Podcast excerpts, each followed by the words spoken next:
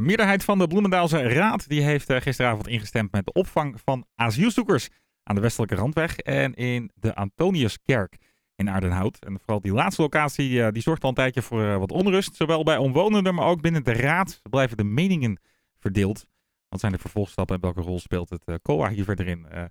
aan de telefoon wethouder Nico Heijink van Bloemendaal. meneer Heijink, goedemiddag. Goedemiddag. Hoe ging het er gisteren aan toe tijdens de raadsvergadering? Nou, uiteindelijk was die raadsvergadering een resultante van vijf eerdere inspraakmogelijkheden. En ik moet zeggen, het was een, uh, een uh, goede uh, vergadering met uiteindelijk een ruime meerderheid voor het voorstel van het college. Ja. Bij het stemmen er werd wel duidelijk dat de landelijke partijen en de lokale partijen ja, toch wel lijnrecht tegenover elkaar staan. Wat, zijn, ja. wat waren nou de grootste discussiepunten en struikelblokken? Het grootste discussiepunt van een van de lokale partijen is de zogenaamde veilige landers. U kent een aantal uitgeprocedeerde, met name jongeren, die uh, nogal her en der wat uh, onrust veroorzaken. En de plaatselijke partijen willen absoluut overeenkomen dat deze jongeren niet hier in Aardenhout gehuisvest worden. Uh, nou begrijp ik dat op zich wel. Alleen de staatssecretaris heeft bepaald dat het COA zulke overeenkomsten niet mag sluiten. Het zogenaamde doelgroepenbeleid noem je dat dan. Dus waarin bepaalde groepen worden uitgesloten voor een asiellocatie. Daarvan heeft de heer Van den Burg gezegd, dat verbied ik. En, en hoe, hij, uh, ja, hoe gaat u daar dan mee om met, met uh, deze wens eigenlijk van die partijen? Nou, ik heb gezegd, ja, kijk, of ik het nou eens ben met u of niet, dan gaat het er niet zozeer om. Het COA mag dat niet sluiten. Dus als u die eis stelt, betekent dit dat deze locatie niet opgenomen wordt in het asielzoekerscentrum, als asielzoekerscentrum. Ja, nee, duidelijk. En, en uh, omwonenden van de, van de kerk uh, aan de Sparrelaan en Aardenhout, die, uh, die, die hebben eerder laten weten dat ze het niet echt een geschikte locatie vinden voor jonge alleenstaande asielzoekers. Ehm, en ja, die inspreekavond bevestigen dat ook. Begrijpt u hun zorgen? Jazeker. Maar ik, ik schrijf het toch voornamelijk op onbekendheid hoe het COA met de ANV'ers, hoe, de, hoe in de wandeling dat heet, omgaat. Want het zijn dus minderjarige kinderen die geen Nederlander zijn, dus onder justitie vallen, waarvan de hele dag begeleiding en zorg is. Ze gaan naar school, er wordt gesport, de hele dag is er toezicht. Dus ik begrijp de angst, ook wat ik u eerder zei, gezien af en toe landelijke publicatie. Maar ik denk dat die ongegrond is, gezien de ervaringen die we ook in Bloemendaal hebben. In Iperhoven hebben we asielzoekers gehad, in Dennenheuvel uh, statushouders. En na enige tijd is daar een enorme warmmakende sociale band tussen degenen die daar inkomen als nieuwe Nederlanders en de bewoners die daar wonen. Dus ik begrijp nu, maar ik heb alle vertrouwen erin dat als u mij over een paar maanden belt, dat het een heel harmonisch gebeuren is. En heeft u al contact gehad met de omwonenden daar? Zeker, vele. Een stichting opgericht uh, door omwonenden. Daar heb ik het bestuur vele malen gesproken. Vorige week is mij een petitie aangeboden, maar liefst 460 handtekeningen. Daarnaast zijn vele individuele bewoners langs geweest, die zich dan persoonlijk willen, hun zorg willen uitspreken en vragen wat er aan te doen is.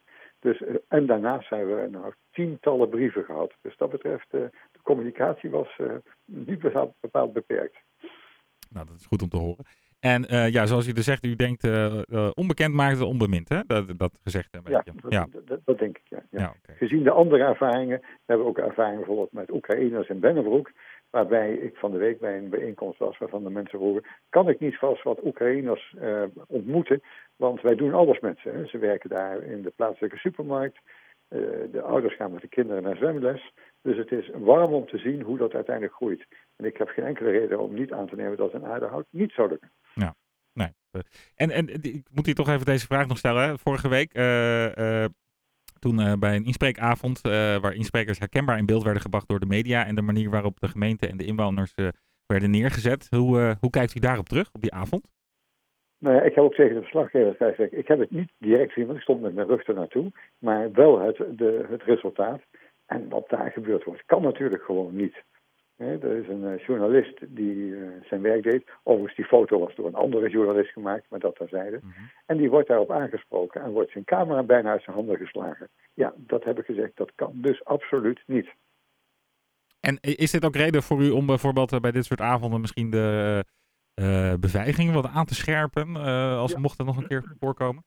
Zeker, we hebben ons afgevraagd of het gisteravond beveiliging zou moeten zijn. Het zij door middel van BOA's, het zijn door een extern beveiligingsbedrijf. Nou, we hadden toch het vertrouwen erin dat, dat, dat de uithouders toch ook zelf geschrokken waren van dit voorval. En er is gisteravond ook niets gebeurd. Oké, nou dat is goed om te horen. Nou, hoe, hoe verloopt de rest van het proces nu? Uh, want het is, is het nu verder aan het uh, Centraal Opgaan, uh, of het COA dus, hè, het Centraal op, Orgaan Opvang Asielzoekers? Ja, dus de kerk heeft het ons aangeboden, het mm -hmm. parochiebestuur. Het parochiebestuur gaat nu verder met het COA om daar verdere invulling aan te geven. De tweede locatie aan de Randweg, daar is, zijn de, de eigenaren en het COA nog niet over eens. Ik heb daar vandaag nog weer een gesprek over gehad met het COA en de eigenaren.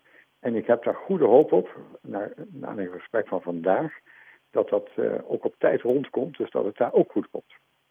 En voor, uh, voor welke termijn uh, zijn deze op opvangplekken?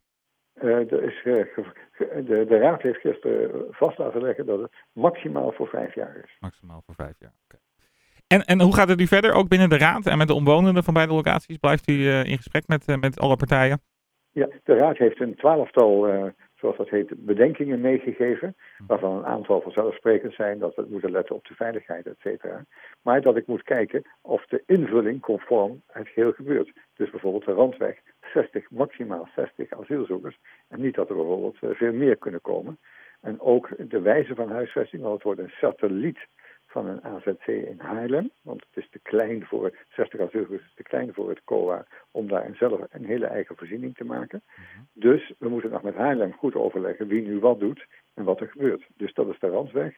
En de, de, de kerk in Aardehout, dat is het bestaand gebouw. Daar gaat het uh, de COA nu uh, voor de komende maanden gebruik maken voor bewoning. En, en, en wanneer verwacht u dat uh, de eerste bewoners hun intrek zullen nemen? Ja, nou, u weet, de COA heeft er vreselijk veel haast mee. Er zijn ja. meer dan 3000 ANV'ers die in AZC zitten. Dat zijn kinderen die in een AZC zitten. Nou, we, we, doen er ook alles aan om dat zo snel mogelijk, mogelijk te maken. Maar ja, het moet even opnieuw ingericht worden. Dus een paar maanden ben je gauw bezig, maar ik verwacht zeker voor het vierde kwartaal. Oké. Duidelijk. Dan wil ik je heel erg, hard, uh, heel erg bedanken uh, voor uw toelichting. Uh, Nico Heink, wethouder van de gemeente Bloemendaal. bedankt voor uw toelichting en nog een hele fijne avond. Dank u wel, graag gedaan. Dit is Harem 105 met nu Tashmin Archer.